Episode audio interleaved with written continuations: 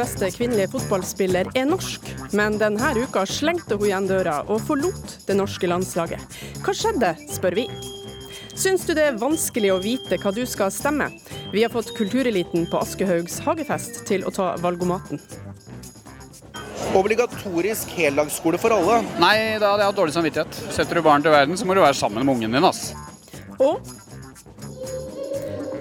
han er kanskje den eneste sjimpansen som noen gang har brukt bleie. Følg med, så får du møte tannlegen til nettopp Julius. Velkommen til ukeslutt her i NRK P1 og P2. Jeg heter Eva Marie Bulai. Først fotball. Sjøl hevder hun at mye av det som har gått galt, skyldes kommunikasjonsproblemer. Og bestefaren til Ada Hegerberg er skjønt enig i at Fotballforbundet de kunne trengt en tolk. De har et problem, for de eh, forstår ikke hva hun sier. Nei, de gjør ikke det. Nei. De trenger en tolk. Ja, de trenger en tolk, og de trenger ingen som forstår seg på fotball. Hun har stått på samme scene som Cristiano Ronaldo, da hun i fjor ble kåra til Europas beste kvinnelige fotballspiller. Og i år ble hun kåra til verdens beste kvinnelige fotballspiller. Denne uka kom nyheten om at Ada Hegerberg trekker seg fra det norske landslaget. Det 22 år gamle supertalentet sjokkerte Fotball-Norge. La oss høre hva hun sier sjøl. Jeg fikk vært ærlig og veldig redelig. Hvis det bare henger løst og sier at forberedelsene er for dårlige, så er det vanskelig å forholde seg til. Det som jeg nevnte tidligere, at uh, hvis de offentlig mener at uh, jeg ikke har tatt opp ting tidligere og uh, stilt konstruktive spørsmål ved forskjellige områder, så, så, er det vanskelig for meg å tro. Og, det, og derfor kan jeg ikke kommentere det mer, rett og slett. Ingvild Stensland, du spilte for landslaget fra 2003 til 2016, og samtidig med Hegerberg. Hvordan kunne det her skje? Nei, jeg syns det, det, skal jo ikke skje. Uh, som du sier innledningsvis her, at uh, vi har uh, verdens beste fotballspillere fra Norge, og at hun ikke lenger vil spille på landslaget, det, det syns jeg er ufattelig trist. Og um, det burde vært løst på en annen måte, og at vi hadde sluppet at det ble en så drastisk løsning som det her. Du har vært ute denne uka og sagt at du skjønner frustrasjonen til Ada. Hva, hva er det du skjønner? Nei, nå, Ut ifra det jeg har lest og sett her, så har hun jo um, pekt på ulike saker i forhold til kommunikasjon. Uh, blant annet at i, i Nils Johan Samp sa underveis i mesterskapet at dette var en, en læringsprosess uh, og en utviklingsarena. Uh, og som spiller sjøl, og jeg kjenner Ada godt og, de holdningene hun har, så hadde jeg jo følt på en frustrasjon der. Norge, kvinnelandslaget i fotball, er flaggskipet, og når man er i mesterskap, er det kun seire som uh, gjelder. Hun er jo inne på det med evaluering og, og konstruktive tilbakemeldinger, og hun hører mye her og sier at det har hun kommet med. Og da syns jeg det er spesielt at forbundet mener at ikke de har mottatt noe beskjed underveis. Jeg må bare si at Vi har vært i kontakt med Fotballforbundet og gitt dem mulighet til å være med her, men de hadde ikke anledning. Jeg vil bare litt videre på det her med henne. Hun som eh, type. altså Du, du har tidligere kalt henne en vinnerskalle. Kan du forklare hva du mener med det? Nei, Ada, siden jeg ble kjent med henne og var veldig ung, så har hun alltid mm. vært det jeg sier en vinnerskalle. Hun gjør ekstremt mye for å vinne. Hun krever enormt mye av seg sjøl og omgivelsene rundt seg. Det har hun alltid gjort. og på den måten så, så, er hun en krevende person, absolutt. Fordi hun krever mye rundt, uh, av de folka rundt seg. Uh, men uh, vi trenger sånne for å komme videre. Og Ada er ikke redd for noe. Hun, hun gønner på. Og det er klart at det kan være krevende òg for spillergruppa. Absolutt. Nå skal vi over til Solveig Gulbrandsen, du er med oss på telefon. Du er en av Norges mest kjente kvinnelige fotballspillere. Du har også spilt med Ada. Kan du fortelle oss, hva, hva mener du det er som har skjedd her? Nei, jeg er jo veldig enig i mye av det Ingvild Stensland sier. Uh, I forhold til evalueringsprosesser og, og, de tingene som Ada på en måte har vært kritisk til. Så jeg er veldig enig i mye av det. Uh, men for, vi må jo også ta med den andre siden her. At vi snakker om et landslag. Vi snakker om et norsk lag som skal eh, på en måte prestere sammen. Eh, og der kommer kanskje den motsatte siden inn, da. Altså i forhold til Ada.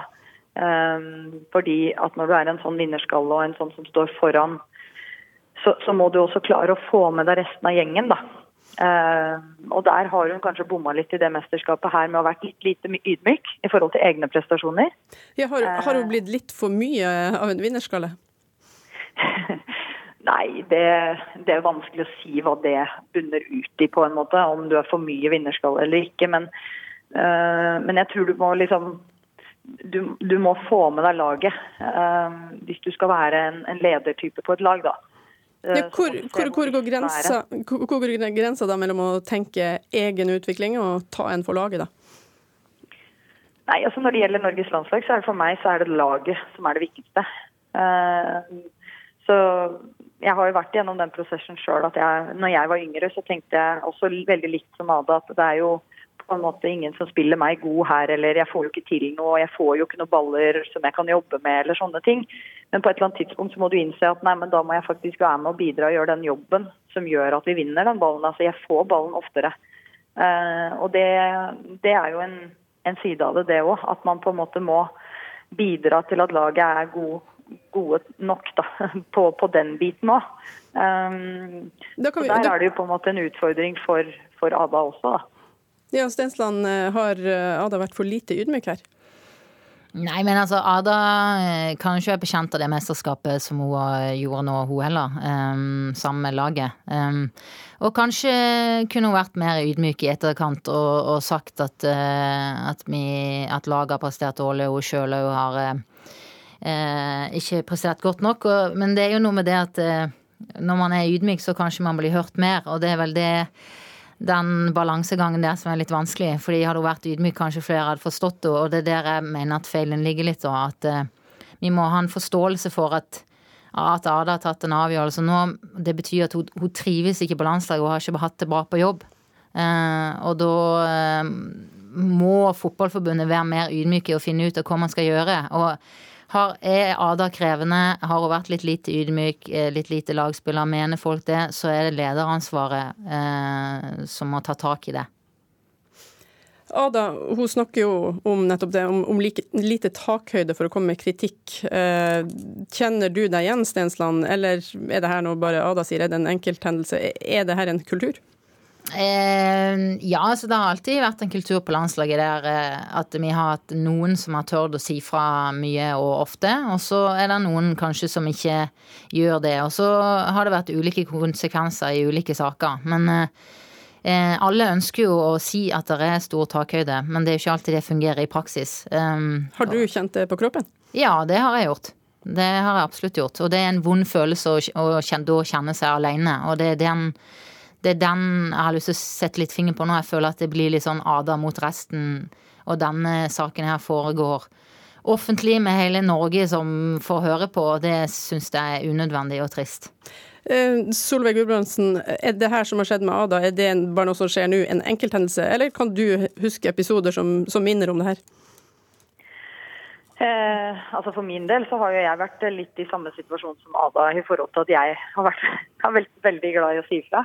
Uh, har sikkert vært krevende, har jeg fått høre, av flere trenere opp gjennom åra. Og ikke sånn veldig populært når du har mye meninger. Uh, sånn at det, uh, Jeg har kjent på det mange ganger, men jeg har ikke hatt noe alternativ. For jeg har bare hatt landslaget. Jeg har ikke hatt noen alternativer med å spille i Lyon og, og være på Champions League, altså sånne ting. da. Så for meg så var det da etter hvert helt avgjørende å på en måte forholde meg til landslaget. Og, og spille der og, og få laget til å fungere. Så, så, det jeg ville utfordre Ada på, er på en måte å være litt mer ydmyk og få på en måte med seg gjengen. Men jeg er helt enig i mye av det andre Ingvild sier her. Det er jo på en måte at det er et ledelsesansvar. Uh, hvor, hvor, stiller vi lista, og hvor tydelige er vi i forhold til hva vi ønsker? Og, uh, ja, og hvordan skal man være på landslaget da? Og da må du jo stille de kravene internt, sånn at alle vet at dette er det vi krever for å være med på dette laget. Eh, og Da må man innrette seg inn under det, og så må man ha tydelig kommunikasjon på det området der. Og Der er bare, det ikke tydelig nok. Mm, jeg må bare gjenta at uh, Fotballforbundet kunne ikke være med. Nå kommer det igjen kritikk mot dem, men de uh, har altså blitt forespurt. Helt til slutt, Solveig Gudbrandsen. Du var jo selv en del av gullaget under OL i Sydney i 2000. Hva er det som kjennetegner en spillertropp som klarer å jobbe seg frem til gull? Det kjennetegner jo at man fungerer og jobber kollektivt eh, sammen, og at man er enig om veien mot målet. Altså hvordan man skal spille, hvordan man skal jobbe, hva som kreves av hver enkelt for å nå det målet. Eh, det er jo det som kjennetegner et lag som fungerer. Og at man faktisk noen ganger må legge bort litt av sine egne ønsker. Eh, og det har jeg måttet gjøre mange ganger. Eh, jeg trodde jo at jeg kunne spille fotball med å stå i mellomrommet og bli servert baller og, og og håpe at det gikk, men så innså jeg at jeg måtte jobbe litt, jeg også. Så, så, det er liksom, Du må legge bort litt av ditt eget ego for at laget skal fungere. Og, og, Takk eh, ja. til Solveig Gudbrandsen. Eh, helt til slutt, eh, Ingvild Stensland. Tror du Ada Hegerberg kommer tilbake? Akkurat nå så tror jeg ikke det, men jeg håper inderlig det. Det vil jeg takke dere av, begge to.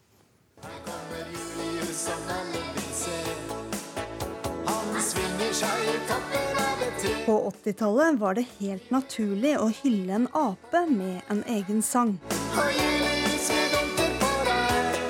Sjimpansen Julius var ingen hvem som helst. Han var superstjerne med egen TV-serie på NRK. Vil du ikke, vil du ikke leke deg? vil du ikke? Der kunne vi se en hårete krabat som er lite lysten på å bade. Kan ikke Julius være med og leke? Nei, han bare ødelegger det.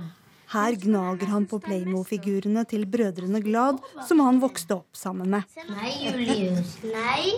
Sjimpansen ble avvist av sin egen mor i Dyreparken i Kristiansand, og ble derfor flytta ut av parken og inn i vanlige bolighus. Julius!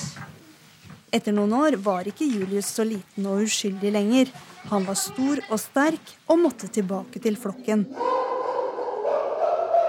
I Dyreparken blei han en trøblete tenåring, og vi leste at han beit og sloss. Men hva skjedde så? Denne uka fikk vi se en 38 år gammel Julius som bladde i sin egen biografi. Det sa reporter Kari Li. Til deg, Carl Christian Glad. Du var tolv år da Julius, Julius flytta inn hos din familie, og din mor Reidun blir omtalt som Julius sin mor. Du fikk en sjimpanse som eh, skal vi si, fosterbror. Hvordan var det? Ja, Det stemmer det. Eh, en eh, kveld i slutten av februar så kom Edvard Moseid og far hjem med en bylt i et ullteppe. Og det var begynnelsen på Julius sin tid hos oss.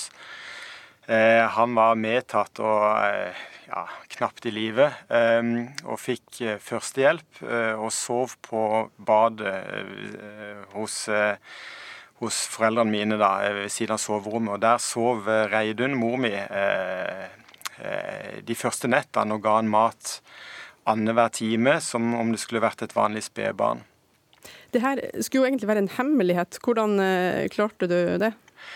Min bror og jeg fikk streng beskjed om at eh, dette var hemmelig, som du sier. Og eh, vi fikk ikke lov å si noen ting. Det var ganske frustrerende for en tolvåring og en tiåring å gå på skolen og vite at du hadde en sjimpanseunge hjemme, men du fikk ikke lov å si det til kompisene dine.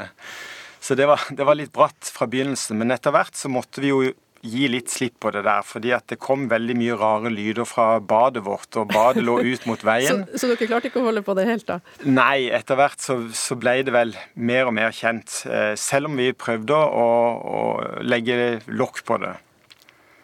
Altså, I dag så har jo du blitt eh, tannlege for mennesker, men, men, du er også tannlege for, for Julius.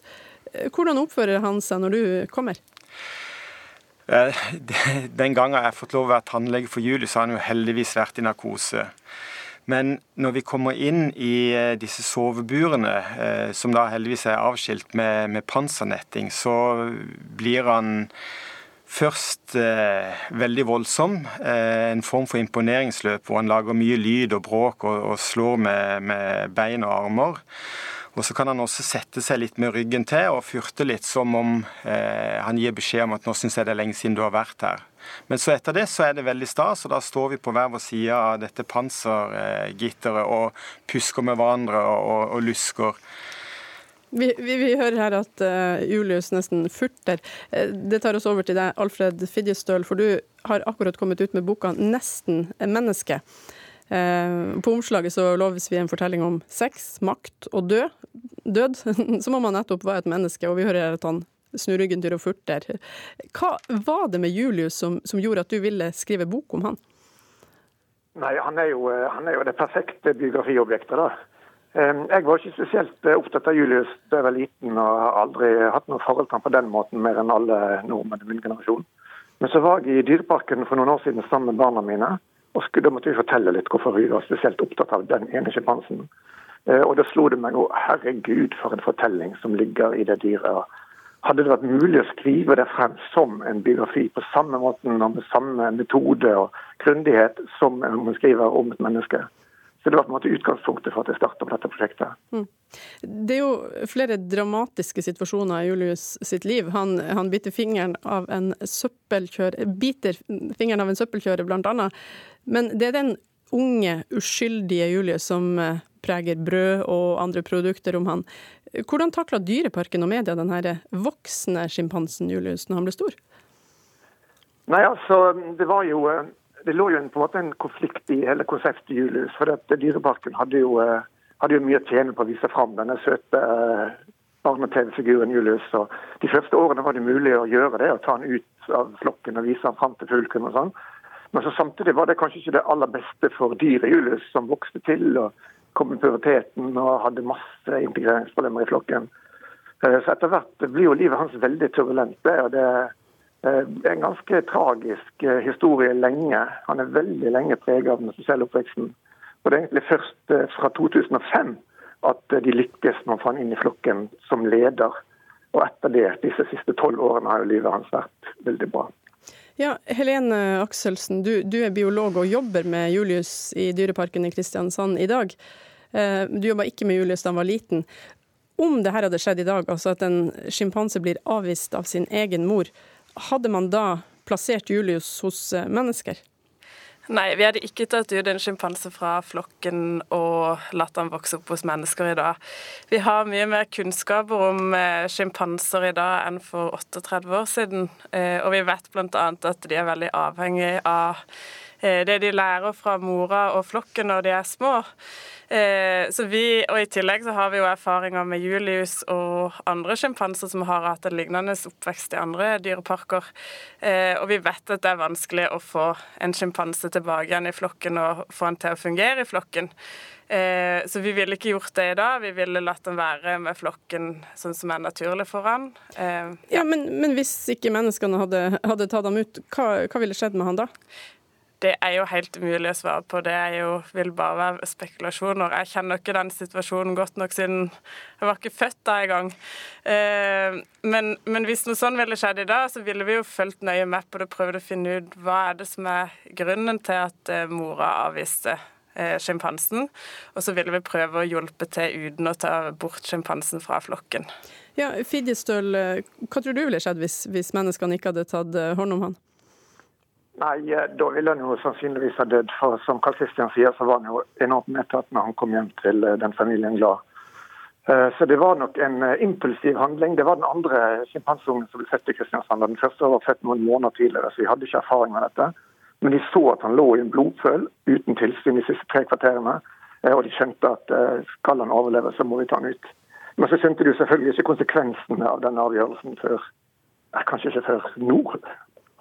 Ja, Karl Kristian, du ble referert til her. Du beskrev hvor medtatt Julius var når han kom til dere. Hva tenker du, hva ville skjedd med han hvis han ikke hadde endt opp hos dere? Nei, Jeg er enig med Alfred. Han hadde nok ikke, han hadde ikke overlevd. Eh, det er et lite hjelpeløst individ, akkurat som en liten eh, menneskebaby. Så, så de, de har ikke noe mulighet for å klare seg. Så, så, det hadde nok gått den gale veien, sånn sett for Julius sin del. Da hadde ikke du eh, fått en eh, sjimpanse som fosterbror. Nei. Hva tenker du om det? Nei, Det hadde jo vært et tap eh, for meg. Det, det, var jo en fantastisk tid, og det, det, var noe som har vært med oss å merke både min bror og meg og mine foreldre. Absolutt. Og jeg ser også at barna mine er opptatt av det. Så, så det har jo vært en fantastisk opplevelse.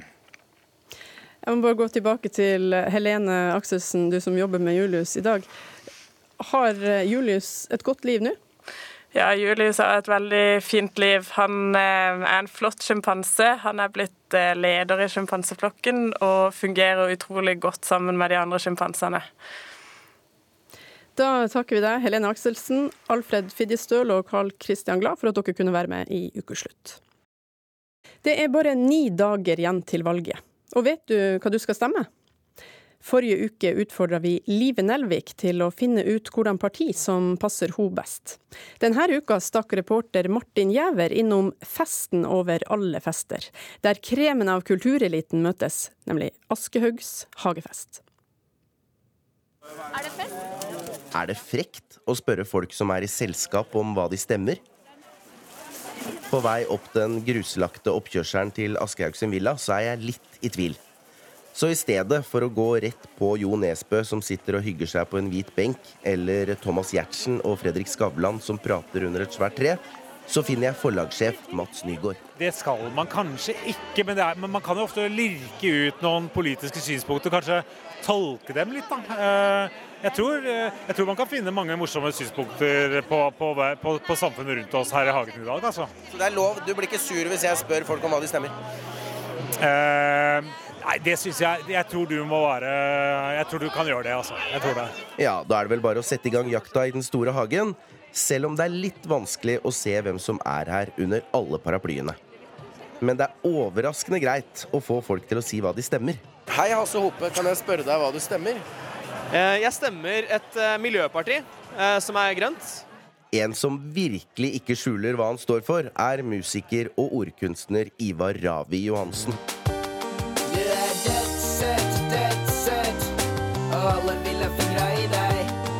Han står midt i hagen, og antrekket er T-skjorte med logoen til et politisk parti. Jeg ser at du står Rød Ungdom på T-skjorta di, Ravi. Ja. Er det det du stemmer? Ja, jeg stemmer rødt eh, i år. Kunne du vært interessert i å tatt eh, valgomaten her? Ja, det kan jeg gjerne. Finne ut hva du egentlig burde stemme? ja, det, det, er veldig bra. Politikere må starte avviklingen av norsk oljeproduksjon. Helt enig. Obligatorisk heldagsskole for alle. Nei, da hadde jeg hatt dårlig samvittighet. Setter du barn til verden, så må du være sammen med ungen din. Ass. Det, det må være et minstekrav. Formuesskatten gjør det vanskelig for norske eiere å skape arbeidsplasser. Derfor bør den reduseres mer. Nei, det er bare tull. Helt uenig. Det er jo noen rikinger i det landet her som påstår at eh, det er teit å mobbe rikinger. Selvfølgelig er det riktig å mobbe rikinger. Det skal du, skal du, sitte med en milliard på bok, da får du tåle å bli mobba. Maria Mena, er du enig i at formuesskatten gjør det vanskelig for norske eiere å skape arbeidsplasser? Det vet jeg ingenting om. Nei. Jeg vet veldig mye om følelser, derimot. Har det noe du lurer på om det? Ravi tar en liten runde for å få seg matbit. Det serveres tapas og sushi under store telt. Og på veien så møter vi filmskaper Vibeke Løkkeberg og mora til Ari Behn, Marianne. Men mens Ravi har bestemt seg, så møter han her noen som ikke er like overbevist. Vet du, det Jeg vet ikke ennå, jeg. Jeg kan ikke si at jeg vet. Jeg leter. Så får vi se hva jeg gjør. Jeg syns uh, det er mye sånn motsatt tenkning. Eller de sier én ting og gjør noe annet. Sånn er det jo hele tiden. Men man stoler ikke på Nei, lenger det de sier. Dessverre. De, de, er blitt for proffe, for glatte. Det er ingen der som jeg har lyst til å stemme på. Vi må øke forsvarsbudsjettet til 2% av vår årlige verdiskapning, slik at NATO-landene NATO har som felles mål. Hva syns du om Nato? Um, nei, jeg er ikke så veldig fan av at eh, de rike, kule landene skal rotte seg sammen. Jeg tror ikke det blir noe mer fred av det, rett og slett. Vært i militæret sjøl? Jeg har vært i militæret. Kom meg fort ut. Likte ikke det? Nei, det var så slapt her. Hadde jeg blitt der, så hadde jeg aldri klart å stå opp igjen noen gang i mitt liv. Valgomatens 24 spørsmål er besvart. Vi har brukt en eh, time cirka og vi står nå blant politiske journalister, og ved siden av oss den finske sangeren Arja Sayonma og mannen til Erna Solberg. Men nå er det på tide å få fasiten. Hvem er det jeg skal stemme på? Akkurat det samme som står på skjorta di. jeg forhåndsstemte på Majorstua i går, jeg. Så loddet er kastet. Så da ble det rødt? Ja. ja. ja. Men tusen takk for at du tok valgomaten eh, her sammen med meg i eh, hagen til Aschehoug. Du brukte jo, du kasta jo nå bort en time. Ja, det var veldig deilig å snakke om noe ordentlig på hagefest for en gangs skyld. Seieren følger våre faner er ikke lenger refrenget til Arbeiderpartiet. Denne uka ble de forbikjørt av Høyre på en meningsmåling. Men kan vi egentlig stole på meningsmålinger?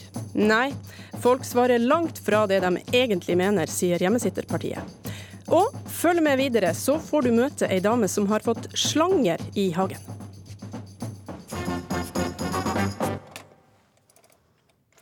Det kunne vært lettere for dem som går rundt og deler ut Arbeiderpartiets røde roser. Ta andre avkjøring. En eh, stor bukett med røde roser i en bøtte i baksetet. Alt er klart for husbesøk. Om bare Jeanette Irén Moen og Kristin Sandaker klarer å finne en parkeringsplass, da. Lukeparkere. Men det stopper ikke damene. For nå er det valgkamp, og de trenger alle velgerne de kan få. Hva er strategien nå? Eh, strategi? Smile. Hilse pent. Spørre om de har lyst til å ha en, lyst på en rose og litt informasjon fra Arbeiderpartiet. Og ønsker dem god. Hei! Hallo! Hei, du, jeg kommer fra Arbeiderpartiet. Jeg få gi deg en rose og litt informasjon? Pågangsmotet er det ingenting å si på, til tross for katastrofemålinger. Vi spoler en halvtime tilbake. Jonas Gahr Støre har kommet for å gi rosebærerne en peptalk før de skal ut. Foruten litt presse og et par livvakter står rødkledde rosebærere rundt Støre som tente lys.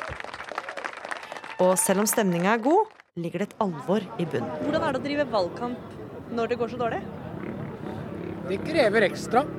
Å tro på det man driver med og holde motet oppe og ville vinne likevel.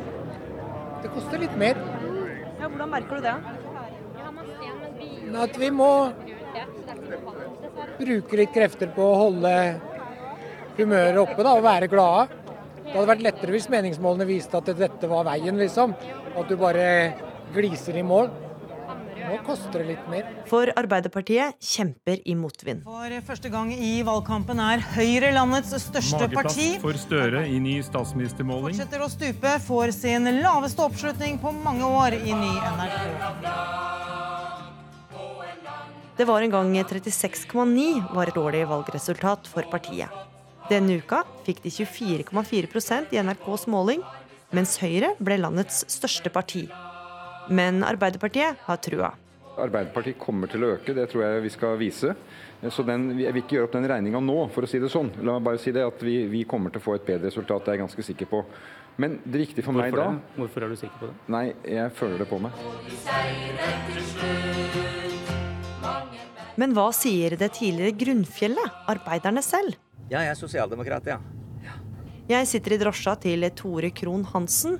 Han har sittet bak rattet i 20 år og holdt seg til Arbeiderpartiet nesten like lenge. Så det har alltid vært. Det har vært Arbeiderpartiet som har vært det naturlige å stemme, ja. Men i år har det vært ekstra vanskelig å velge Ap.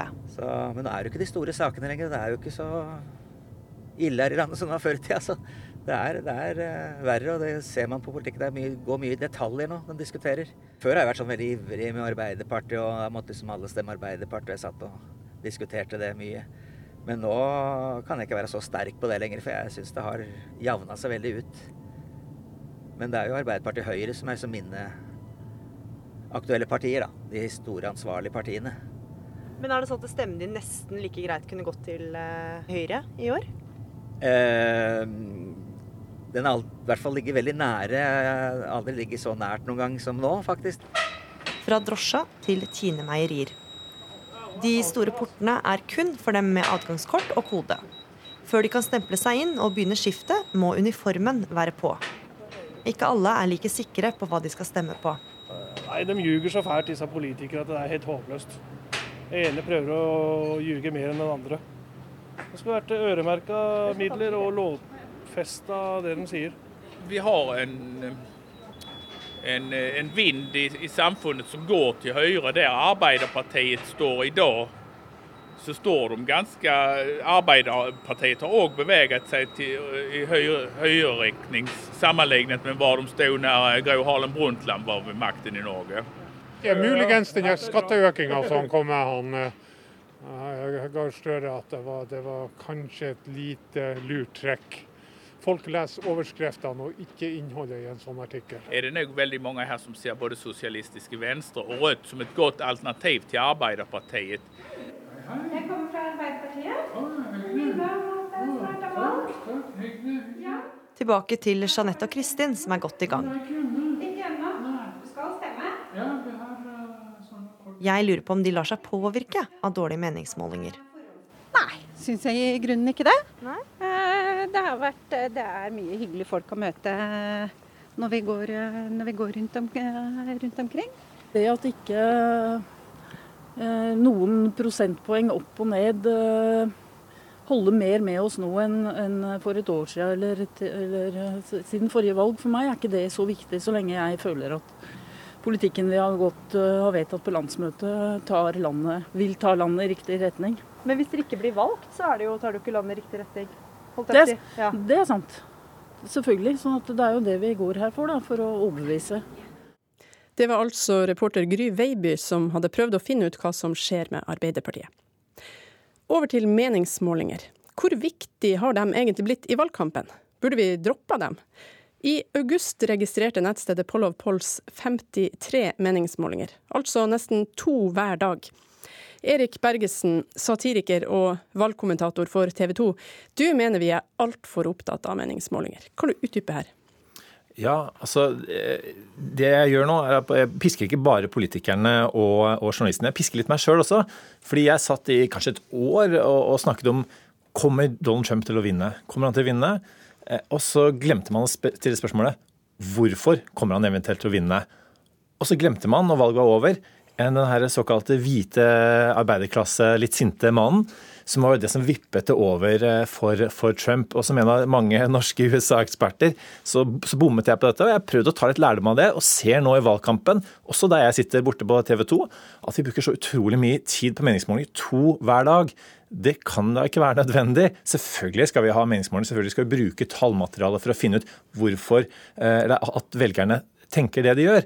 Men så må vi altså sp- sp- stille spørsmålet hvorfor eh, er det de tenker det de gjør. Og Da får vi heller ta oss og samle opp litt av disse pengene vi bruker på meningsmålingene, og lage noen ordentlige meningsmålinger som gjør at velgerne kan si noe tilbake til politikerne. For at når politikerne blir så opptatt av hva tallene sier, så glemmer man fort hva velgerne sier. Men mener du det var fokuset på meningsmålinger som eh, gjorde at vi glemte oss se Trump? Ja, altså det ble en slags sånn eh, sportsbegivenhet, det hele. Eh, Og jeg var en av de mange som, eh, som siste jeg gjorde før jeg la meg, første jeg gjorde da jeg våknet opp, så på statistikkguru Nate Silver sin probability peel, og den forsvant jo veggimellom i løpet av eh, valgnatta. Jeg satt i et eh, TV-studio og kommenterte den. Eh, Og, og det på en måte det er spesielt det Ja, selvfølgelig den store historien her er at Arbeiderpartiet gjør det dårligere enn man hadde tenkt. Det bør man måle. Men derfra og ut så er det veldig små variasjoner. Få av de er statistisk signifikante. Og så later da en del kommentatorer som at de klarer å lese veldig mye i disse tallene. Nå skal vi videre til Tone Sofie Aglen, du er politisk redaktør i Adresseavisa. Du lever jo av å kommentere meningsmålinger. Hva syns du om eh, forslaget fra Bergesen her om å drite litt mer i dem? Nei, Jeg er i hvert fall enig med Bergersen i at det tar veldig stor plass, og det er veldig mye uvettig bruk av meningsmålinger. Jeg tror nok at uh, vi som journalister med stor fordel bør se mer på trender, gjennomsnittsmålinger og ikke minst bakgrunnstallene, og mindre på enkelttall og disse sjokkoverskriftene. Men samtidig så syns jeg at uh, dette valget er et litt dårlig eksempel. For uh, det vi så nå en måned før valget, det var jo det her dramatiske kollapsen til Arbeiderpartiet. Den kom ikke som følge av en enkeltmåling. Det var mange målinger som viste det samme. Det kom veldig uventa. Det er ikke mange månedene siden vi var helt overbevist om at Arbeiderpartiet ville ro det her veldig enkelt i land. Og så viser bakgrunnstallene at, eh, at de lekker i alle retninger, og det er en veldig sånn, god indikator på Arbeiderpartiets problemer. Ja, Bergersen, er ikke akkurat det her et eksempel på at her kan vi se en tendens når vi måler det her over tid, at Ap faktisk har gått nedover en stund nå? Skal vi ikke bry oss om det her? Jo, absolutt. Og, og i, TV 2 sitter det veldig dyktige tallknusere og ser på disse tallene hele tiden. Men det viktige for de er bakgrunnstallene. Det som, som det sies her, altså hvem er det som lekker til hvem? Eh, hvor er det svingningene er? Og så vet vi samtidig at det er, eh, at det er de småpartiene som kommer til å avgjøre en mulig regjeringsallianse. Eh, og der er det opp og ned over sperregrensen. Og det er fryktelig vanskelig å si noe vettugt eh, om det eh, her og nå. Eh, og det blir en catch 22 her når da journalistene på en, på en måte sier at, eh, at politikerne strever med å få fram sakene, og så bruker de selv så mye tid på meningsmålingene at de ikke rekker å fokusere på sakene. Og vi har hørt Jonas Gahr Støre mange ganger hver dag si at eh, han tror de kommer til å vinne til slutt, det er positiv stemning der ute det gir veldig lite politisk, tror jeg, for velgerne. Og det er lett å bli fremmedgjort av måte, dette spillet rundt politikken. Oddbjørn Jonstad, du må inn her. Du er leder i Hjemmesitterpartiet, og du er med oss hjemmefra. Hva syns du om meningsmålinger?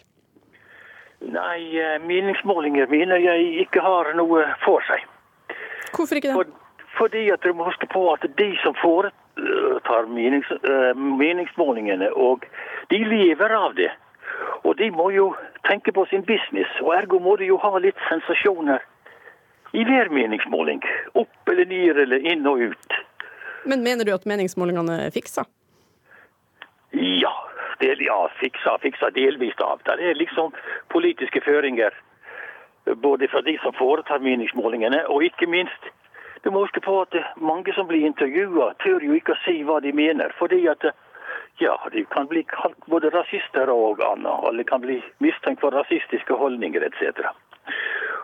Og det tredje er jo at, eh, at de journalistene som skriver om det, de har jo sine politiske føringer. Det er ikke noe nøytralt presentasjon av meningsmålinger. Så de tror jeg ikke noe på. Da må vi gå over til Bergesen. Stemmer ikke det her med, litt med din teori om USA, at folk svarer jo ikke det de mener? Ja, jeg, jeg er litt usikker eh, på det. Altså, journalister har selvfølgelig vinkler jo sakene, og de er subjektive. og Man skal ikke gå rundt og, og late som noe annet. Men, men jeg, jeg, tror de er, er, rimelig balanserte. Men det som skjer er litt sånn strukturelt her. fordi at det, Når det kommer en litt dårlig meningsmåling for Arbeiderpartiet, så blir det veldig fokus på alt det negative de gjør. Og så, er, eh, så går meningsmålingen opp igjen. Det har vi jo sett de siste dagene. Eh, og så er det plutselig alt det positive de, de gjør. Eh, og, og, det er, er, jo rett og slett ikke sånn at Johan Gahr Støre i løpet av 24 timer med håndhilsing har snudd Arbeiderpartiets valgkamp eller har både lagt, eh, endret retning og lagt noen nye visjoner på bordet. Det, det, det, er litt sånn svingningene er. og da på en måte, altså, Plutselig er han statsmannaktig, og så er han en uerfaren amatør i løpet av et intervall på, på et, et, døgn, og, og det stemmer jo ikke.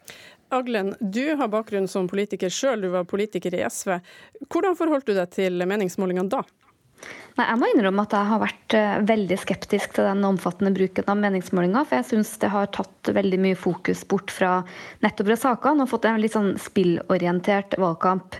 Så jeg må jo innrømme at jeg har møtt meg sjøl litt i døra. Men så må jeg også si for det første det meningsmålerne sine forsvar. Det jeg opplever dem som meget edruelige, profesjonelle folk. Og i den grad det blir uh, brukt, så er det vi i media som skal ta ansvar for det. Men jeg syns heller ikke politikerne er en offer her. For det. jeg opplever i hvert fall et evig mas fra våre politikere om det ikke kommer nye målinger, om ikke vi kan sette i gang. Jeg syns også at de bruker dem og uhemma sjøl, i hvert fall når det er målinger de liker. Og så er det én ting jeg tror mange ikke helt vet. Og det er at Særlig de store partiene Ap og Høyre de kjører veldig mye meningsmålinger sjøl og har veldig mye kunnskap om sine bakgrunnstall om sine velgere. Det er det flere av de mindre partiene som ikke har. Så jeg tror f.eks. Miljøpartiet og Rødt de har jo ikke den muligheten. Og, og, det er jo nettopp meningsmålingene som viste nå i sommer at de plutselig har en, fått en boost og har en helt uh, annen sjanse til å få inn mange på Stortinget enn det vi hadde trodd. Men en annen ting er jo at ofte hvis det kommer en veldig dårlig måling for Ap, så plutselig så presenterer Ap en god måling. Er det en uavhengig måling som vi skal eh, lytte til? Ja, jeg tror nok at det er eh, alltid lurt å se på gjennomsnittsmålingene og ikke enkeltmålinger, for man kan være veldig uheldig med utfall. Og så er det jo litt sånn i Norge at eh, meningsmålingene har truffet veldig godt. Så er det veldig forskjellig både hvilken metode man bruker, og ikke minst eh, hvilken, hvilken modell. Og det som kanskje Arbeiderpartiet også har blitt kritisert for, er at de bruker sånn automatisk telefonsvar, og at den er mindre presis. Samtidig så er jeg veldig enig i at det her har blitt en veldig rar valgkamp. Den er veldig fattig på saker, veldig spillorientert. Det handler veldig mye om hvem skal samarbeide. Det handler om meningsmålinger, og ikke minst om disse sperregrenser. Og jeg tror kanskje ikke at det er først og fremst pga. meningsmålingene at det er blitt sånn. Ja, nå er jo saken også den at mange velgere er veldig forvirra, for nesten én million sitter på gjerdet fortsatt. Jonstad, eh, har du noe råd til folk nå eh, når vi nærmer oss slutten? Valget er om, eh, knapp, om en drøy uke. Hva er ditt råd til folket? Ja, jeg mener det at eh, det å ikke stemme er jo også en måte å stemme på. Altså at du syns det at de politikerne vi har i dag, de verken respekterer eller representerer det norske folk. De er kun opptatt av seg selv og det å bli gjenvalgt. Da hørte vi iallfall at du ikke har tenkt å, å stemme. Til slutt, Bergesen. Jeg syns eh, hjemmesitterne er litt urettferdige her nå. Jeg tror faktisk politikerne gjør, eh, gjør, så godt de kan.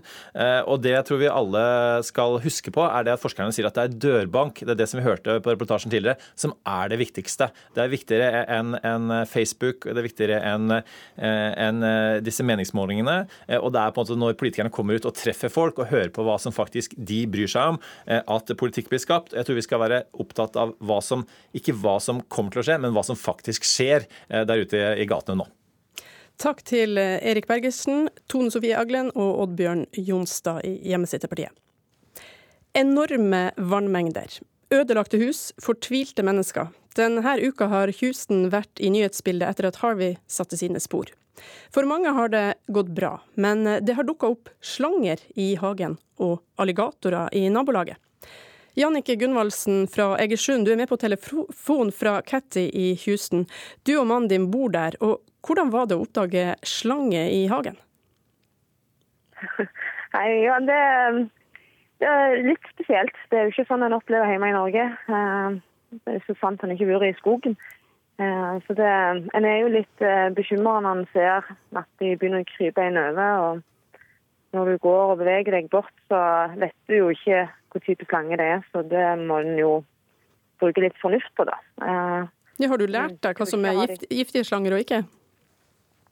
Eh, ja, jeg har lest meg litt opp, men jeg har jo ikke peiling. Eh, det vil jeg ikke påstå seg. Så det er litt sånn du kikker litt og prøver å bruke fornuft. Så det tar jo litt tid før en ser det. Det er jo litt sånn type hvordan hodet ser ut og øynene og men eh, en forholder seg til at det er giftig og bruker litt fornuft. Eh, så prøver en å eh, veilede de ut av hagen. En ønsker ikke at de skal komme inn i huset og um, ja. Det har, det, har, det har, heldigvis gått bra med dere og huset deres, men hvordan har denne uka vært? Det har vært veldig spesielt. Det har vært vondt på mange måter òg. Du sitter og ser vann, store vannmengder på vei inn mot huset, og sitter, ja, du er litt bekymra for hvor, hvilken vei du vil ta, for du vet ikke helt hvor tid det slutter. Samtidig så ser du på TV og følger med på hvor ekstremt det er bare litt lenger ned i veien. Det er veldig stor variasjon eh, hvor hardt ramma folk er uten at det er de store avstandene. Um, det er ikke så veldig langt ned i veien hvor de måtte Jeg har akkurat holdt på å rydde ut av husene eh, etter å ha fått vann inn. Eh, ti minutter sykkeltur ned i veien, så evakuerte de til med på tirsdag og onsdag. Eh, så det Ja, det er små avstander og store forskjeller. Mange, mange har store problemer, som du nevner. Hvordan stiller folk opp for hverandre? Folk er flinke. Det har vært veldig utrolig varmt å se. Til og med bare her i nabolaget. Det er store, mye internasjonale folk eh, som er bur. og eh, Folk går på dørene og snakker med hverandre. og eh, Det merka jeg til bare i mitt nabolag når det var på det verste. Folk er klar for å stille opp. Eh, og Det ser du jo nedover i Houston. Folk slipper det de har og drar ut. Selv om husene sine er oversvømte og de, de, er litt fortvilte, så ja, slipper de det de har og stiller opp. Så det har vært veldig eh, flott å se eh, hvor, eh, hvor folk kommer, hvordan folk kommer sammen. da. Mm. Jeg vil bare spørre, President Donald Trump har jo denne uka gitt en million dollar av sine egne penger til hjelpearbeidet. Hvordan har det blitt mottatt? Ja, Det er vel litt uh, variert. da. Han er jo ikke kjent for å være en veldedig person. Så folk, uh, mange er vel litt avventende til om han faktisk kommer til å gi det. Mm. Uh, men, da tror jeg vi må... men vi må jo bare legge tvil til side. Mm. Da takker vi deg for at du var med i Ukeslutt. Nå over til statsmeteorolog Siri Wiberg. Det var USA. Hvordan blir været her hjemme i helga? Ja, vi har faktisk ute et obs-varsel på mye nedbør, men det er jo ikke på langt nær så mye som har kommet i, i Houston. Men eh, på Spitsbergen så kan det komme 20-40 millimeter da på 24 timer. Og ellers så vil det blåse en del der også, fra sør-sørøst, liten til stiv kuling. Og det blir altså nedbør eh, fram til i morgen ettermiddag, og da dreier vinden på vest, og det blir overgang til enkelte regnbyger. I Nord-Norge vil det blåse fra sør-sør-vest, periode med frisk bris eh, enkelte steder. I morgen liten kuling. Og eh, her vil det nok gå enkelte byger i de nordlige områdene, og etter hvert ganske pent vær, i hvert fall utover morgendagen, og da først i Nordland. I Sør-Norge blåser det fra en sørlig kant, i morgen litt mer østlig østafjells. Og det går enkelte byer i de sørlige områdene østafjells i dag, og ellers er det for det meste opphold og perioder med sol og ganske pent vær på Vestlandet sør for Stad. Og i morgen blir det pent i Trøndelag og på Vestlandet, fortsatt noen byger lengst sør østafjells. Ansvarlig for sendinga Ann Kristin Liestøl, teknisk ansvarlig Hilde Tosterud. I studio Eva Marie Bulai.